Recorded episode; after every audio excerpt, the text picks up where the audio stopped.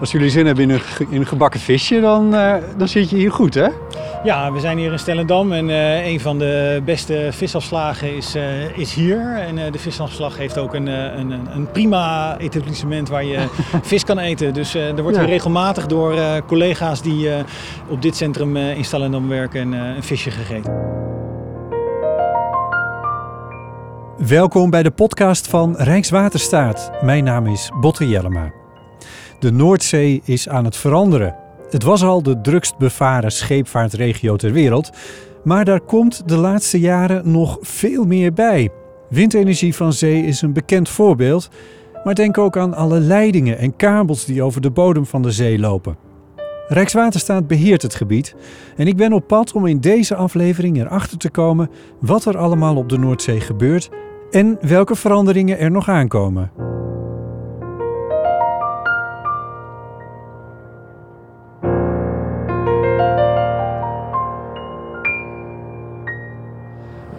En dit is een, ja, een soort, soort werkeilandachtige situatie hier. Wat, wa- wa- waar zijn we precies?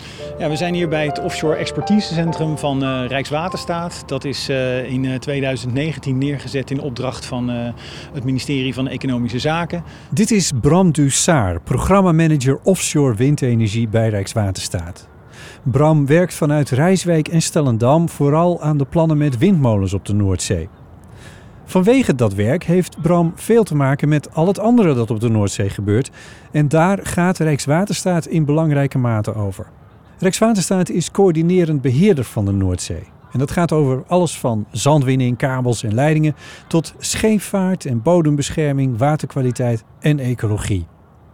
Als je een windmolen in de Noordzee wil zetten, dan heb je met al die dingen te maken. En Bram dus ook. Bram Dussard vertelt in deze aflevering over de veranderingen in de Noordzee en de uitdagingen daarbij. We zijn in Stellendam op het Zuid-Hollandse Goeree-Overflakkee aan de zuidkant van de Haringvlietdam. Aan de overkant van de buitenhaven ligt de visafslag van Stellendam. Rechts van ons een dijk met daarachter de Noordzee. En voor ons een platform, zoals op zee, maar dan op land. Ja. We kunnen er niet helemaal bij komen. Er staat een groot hek omheen. Wa- waarom is dat? Eh, dit is een mock-up van eh, de platformen zoals Tennet die als stopcontacten op zee neerzet. Een stopcontact in die zin dat ze de windmolens op de Noordzee hier inprikken, bij wijze van spreken. Hier in Stellendam testen ze apparatuur die mogelijk later op de echte platforms wordt geïnstalleerd. We mogen er niet bij komen omdat ze dit platform op het land zo echt mogelijk willen laten opereren. En op zee wandel je natuurlijk ook niet zomaar even naar binnen. En voordat wij eh, spullen naar zee brengen, eh, wordt dat hier eh, A eerst goed uitgezocht wat we nodig hebben. Ja. B eh, getest in een soort mock-up versie. Dus dat wordt hier helemaal eh, gesimuleerd. Zodat ehm, eh, sensoren die we naar zee sturen eerst hier zes maanden eh, kunnen proefdraaien. Ja. En dan op zee worden geïnstalleerd, zodat we weten dat ze goed kunnen eh, functioneren.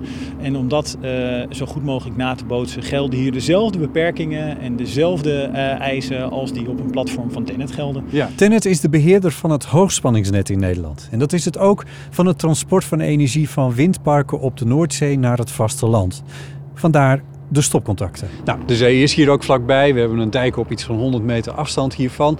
Er staan twee grote rood-wit geschilderde torens op. Van een, nou, hoe hoog is dat? Dat weet jij natuurlijk precies. Nou, dat is ongeveer 20 meter. Ja. Dat zijn eh, eh, grote ja, torens die op eh, de platformen van Tennet worden neergezet, waarin wij als RWS eh, de verschillende sensoren kunnen ophangen. ja. Het is trouwens gigantisch. Het is echt een soort, het is een soort brandweerkazerne. Zo groot is het wel ongeveer.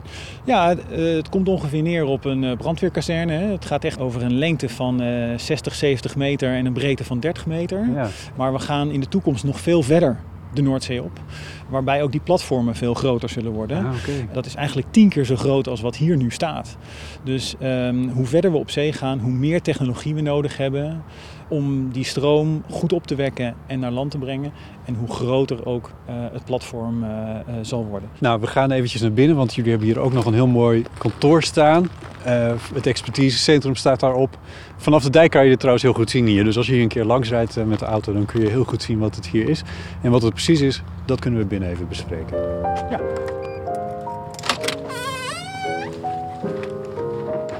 Welkom in het expertisecentrum eh, in Stellendam.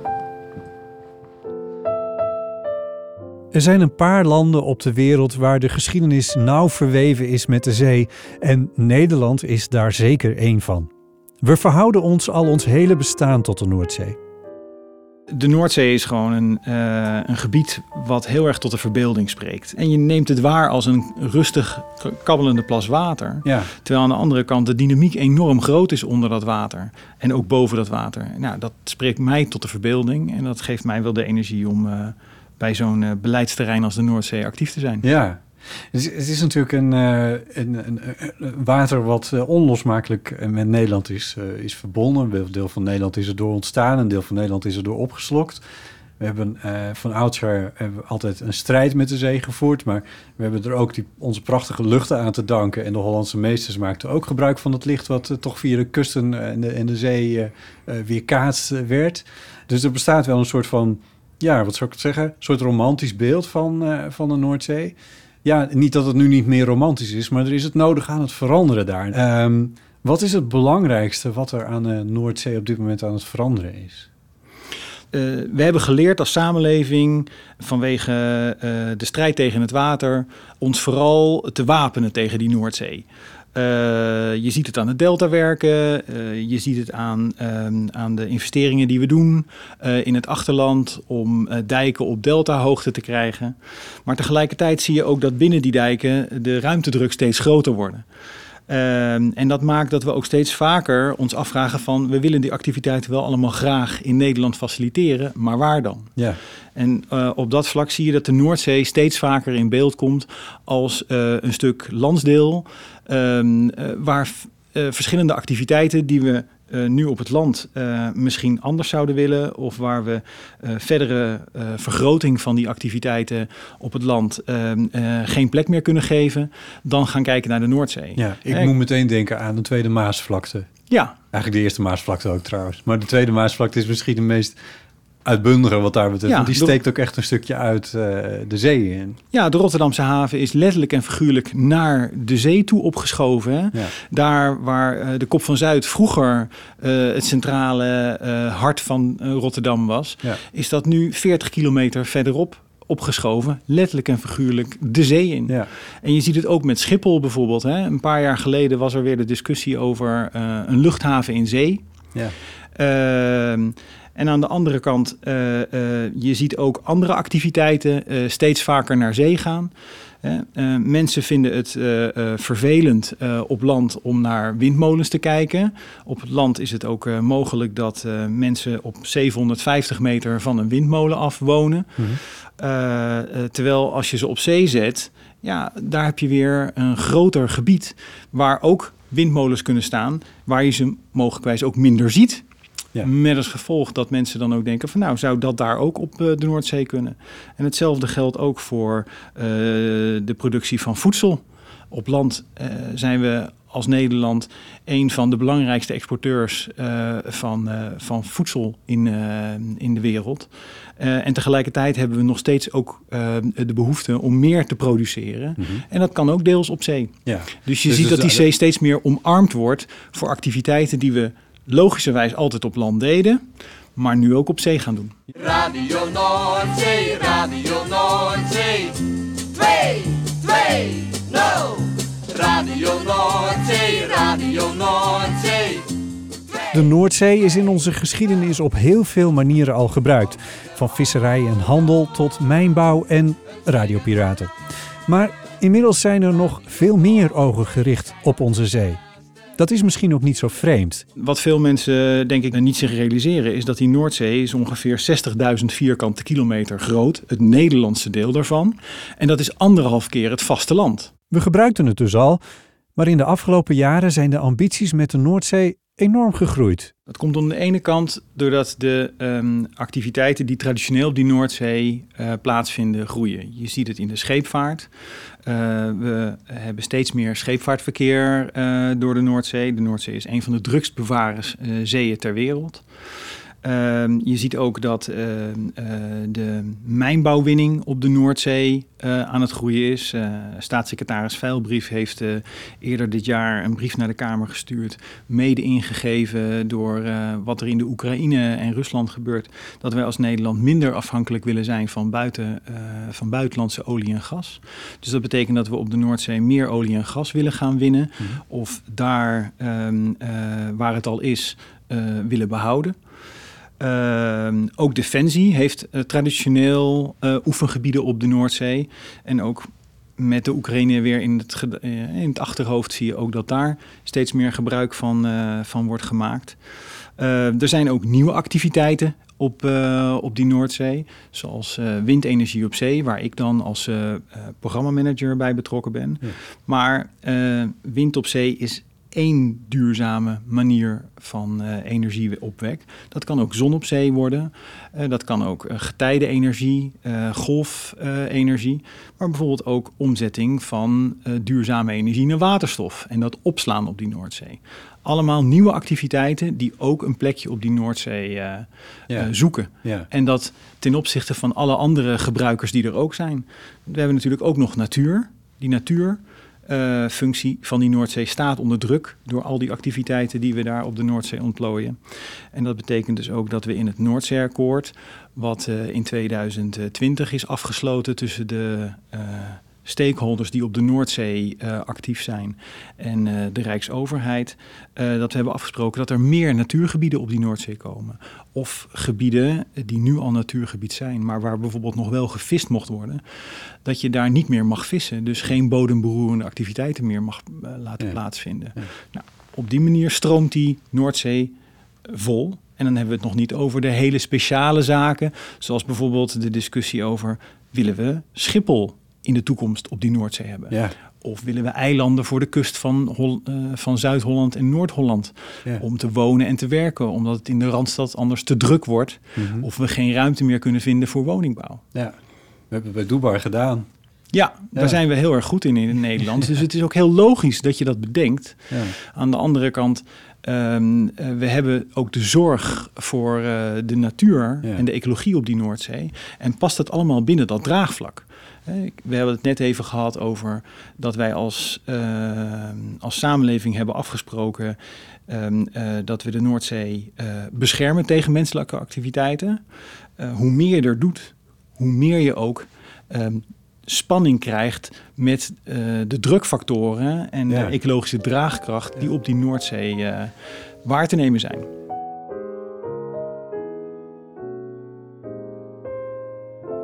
Een van de nieuwe activiteiten op de Noordzee is dus windenergie. Dat is Bram zijn expertisegebied, dus daar wil ik wat meer over weten. Ook omdat de ambities op dat gebied groot zijn. Heel groot. Uh, zoals ik zei, we hebben van tevoren hebben we er even contact over gehad. En uh, toen had je me een documentje gestuurd waar je inschreef, nu doe ik het even allemaal uit mijn hoofd, dat er iets van uh, 2,6 gigawatt aan windstroom op dit moment wordt opgewekt. Dat moet naar 4,6 worden opgestuurd. Maar, uh, en dan sla ik er heel veel stappen over. De ambities zijn om tot 300 gigawatt uiteindelijk uh, te gaan. Nou, het is, je hebt het, goed, het document goed gelezen. Uh, de cijferreeksen um, uh, die, die, die kunnen nog iets uh, genuanceerder naast elkaar worden gezet. ja. zonder jou nu direct ehm, af te willen vallen. Want je, je, dit is voor jou ook een nieuw onderwerp. Zoals ja, je zei. ja, nou, maar ik probeer vooral even de schaal te schetsen van wat de ambities hier, hiermee zijn en waar, waar dat over gaat, die, die windenergie. Nee, die ambities zijn enorm. als je nu de Noordzee opgaat, ehm, dan hebben we ongeveer 2,5 gigawatt uh, aan windenergie op zee, operationeel op die Noordzee. Nou, en wat is nou een gigawatt? Hè? Ja, Mensen vragen ja. dat altijd van ja. Bram, kan je eens vertellen wat een gigawatt is? Dat vind ik ook altijd heel erg lastig. Je wil het liefst zeggen dat is uh, bijvoorbeeld het energiegebruik van uh, Tata Steel of van uh, een Dow Chemical of van een bepaalde provincie. Of de Rotterdamse haven. Maar ik zeg eigenlijk altijd maar zo, 1 gigawatt is ongeveer de stroom die gebruikt wordt eh, voor een miljoen tot anderhalf miljoen huishoudens. Een beetje afhankelijk van hoe je rekent en het duurzaamheidsprofiel van huishoudens. Ja. Ter vergelijking, Schiphol gebruikt een hoeveelheid energie uh, als lichtjesstad. Hè? Want als je daar s'nachts bent, dan Ja, is daar is bijna allemaal alle, allemaal Ja. verlicht. Hè? En wat daar gebruikt wordt, is ongeveer eh, voor 50.000 huishoudens. Hè? Dus om het zo een beetje in perspectief te brengen, ik weet dat het lastig blijft. Gigawatten, petajoules, eh, eh, kilowatturen. Ja. Het blijft toch een beetje het gevoel voor eh, expertise en deskundigheid. Maar ehm, nou, dat helpt misschien. Dat is dus eh 2,5 gigawatt die nu op de, op de Noordzee staat.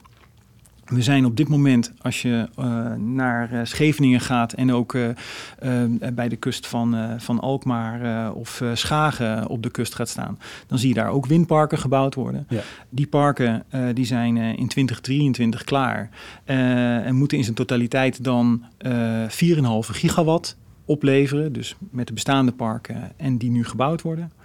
Ehm, echter, als de doelstelling is dat we 75% van onze duurzame energie ehm, eh, van de Noordzee halen, eh, dan is dat lang niet voldoende. Mhm. Eh, en hebben we tot 2030 ongeveer 21 gigawatt nodig aan duurzame energie vanaf de Noordzee. Dus dat is bijna Om die tien keer zoveel als wat we nu hebben. Ja. Ja. Ja, om die doelstelling te halen. ja. Ehm, en vervolgens zie je dat eh, eh, eh, Frans Timmerman, eurocommissaris, op een veel hoger perspectief nog veel verder kijkt. Mhm. naar eh 2040 en 2050. Ja. En hij heeft met een European Renewable Energy Strategy heeft hij eh, de doelstelling neergezet eh, dat er in de internationale Noordzee, dus niet het Nederlandse deel van de Noordzee, maar de internationale Noordzee, de Mhm. internationale Noordzee loopt tot en met de 61ste breedtegraad, eh, dat er dan ongeveer 300 gigawatt aan windenergie op zee Ja. geïnstalleerd zou moeten worden. Waarbij dan ook nog 40 gigawatt blauwe energie. Bijvoorbeeld zon op zee, getijdenenergie, golfenergie. Misschien is de Noordzee ons deel daar niet zo geschikt voor. Maar bijvoorbeeld bij het nauw van Calais is wel heel veel stromingspotentieel. ja, precies. Dus dat En- hoeven niet allemaal windparken te worden. Nee, dat hoeven niet allemaal Nee, windparken precies. te worden. Nee, nee. En ook hier in Nederland proberen we eh, wel met innovatie steeds meer het aantrekkelijker te maken om ook met getijdenenergie en golfenergie aan de gang te gaan. Hm. Het is een bepaalde differentiatie, want duurzame bronnen zoals zon en wind zijn heel erg weersafhankelijk. Ja, En dat maakt ons dus ook kwetsbaar voor als Ja. er eh, dagen zijn waarop weinig wind is en weinig zon. ja, wat Dan heb je andere, actief, dan heb je andere stroombronnen nodig. Terwijl getijde- en golfenergie is redelijk voorspelbaar. Met name getijdenenergie. Dat vindt elke zes uur vindt er een getijdenwisseling plaats. Ja. Dus daar kan je heel erg van op aan. Dus het is altijd een mix van energiebronnen die maakt eh, eh, dat we het netwerk en de leveringszekerheid in Nederland goed op peil kunnen houden.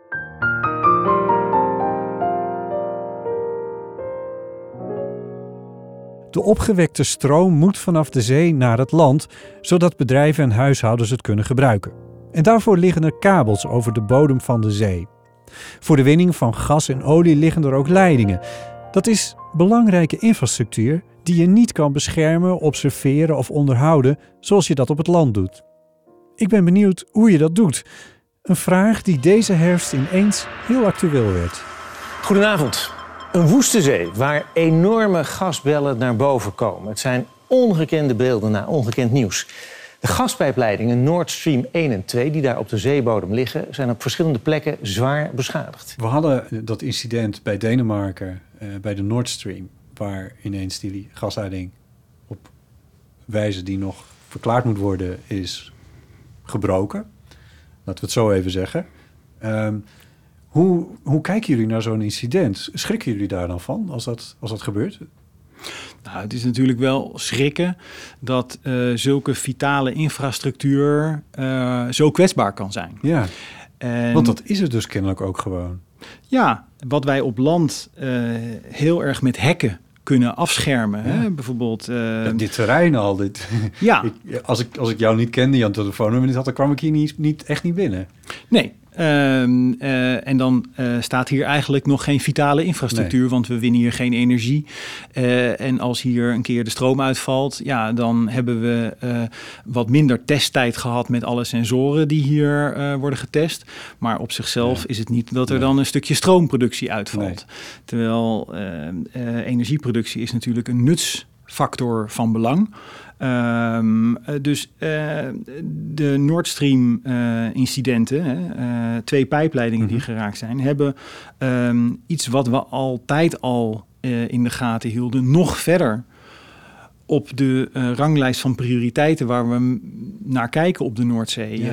eh, ehm, op, een hoger, op een hoger niveau geplaatst. Dus jullie wisten het al wel, alleen dat, dit, dat het kwetsbaar is. Alleen het is nu voor iedereen ook veel inzichtelijker geworden dat dat daadwerkelijk zo is. En dat onderstreept eigenlijk alleen maar het belang ervan om hier goed naar te kijken. Ja, nou, misschien een, eh, een oud-minister ehm, eh, van het ministerie van Vrom, waar ik vroeger werkte, te parafraseren, eh, minister Pronk. Eh, en toen ging het om luchtvaartbeleid. Die zei: geluid, dat hoor je. En daar, dat merk je en dat doet wat met je. Ja. Dus Schiphol geluid, dat doet wat met je. Veiligheid zie je niet.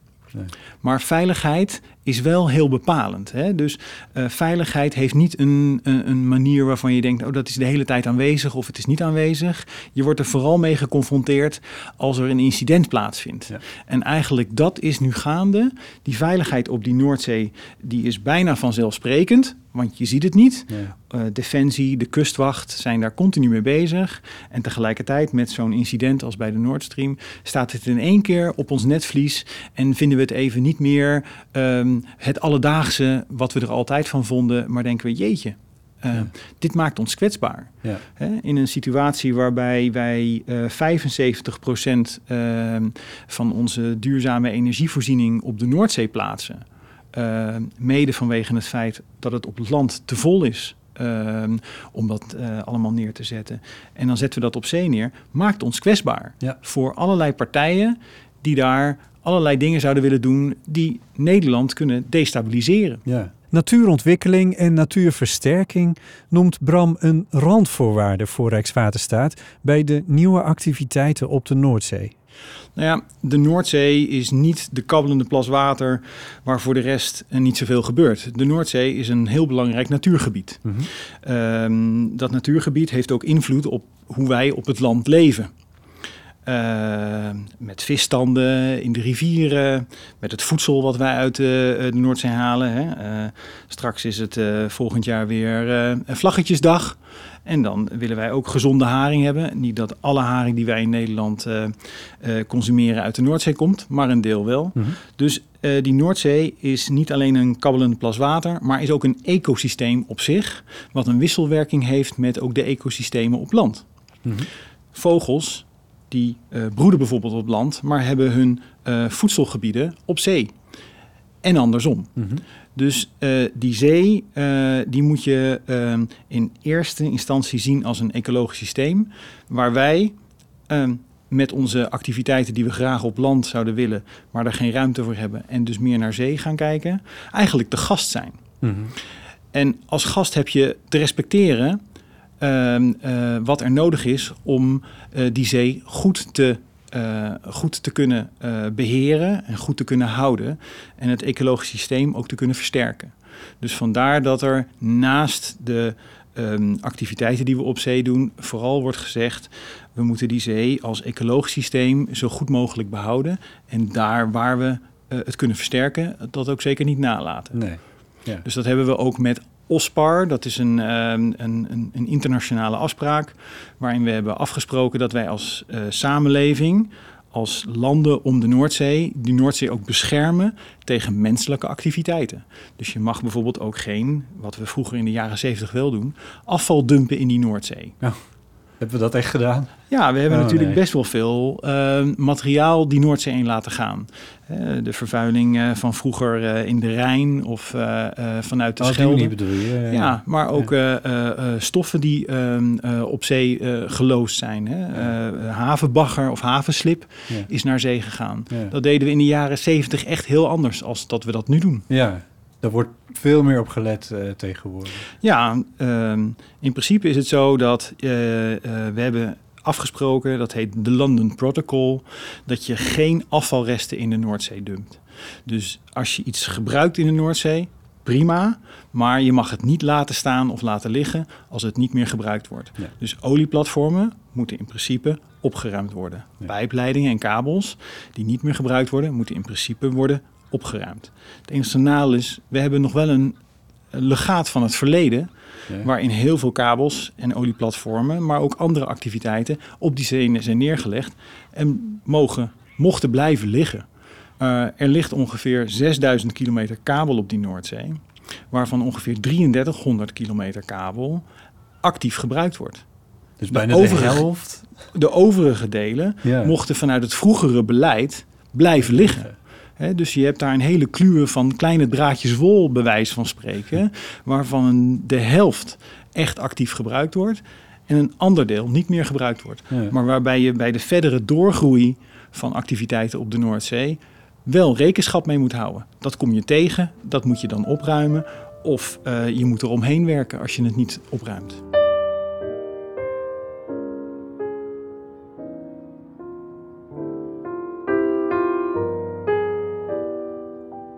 We zetten nu vol in op windenergie op zee.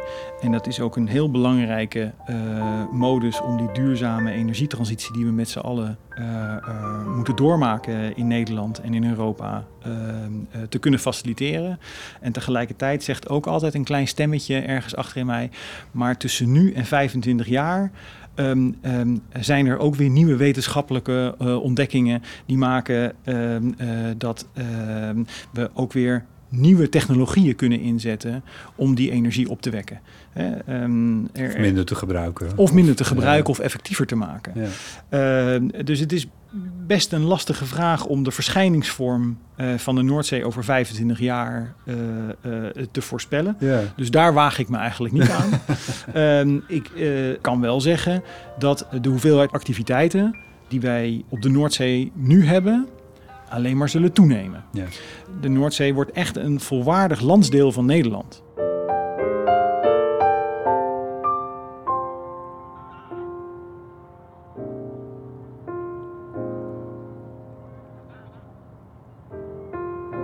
Je hoorde Bram Dussaar, programmamanager offshore windenergie bij Rijkswaterstaat. Dit was een aflevering van de podcastserie over het werk van Rijkswaterstaat. Bedankt voor het luisteren.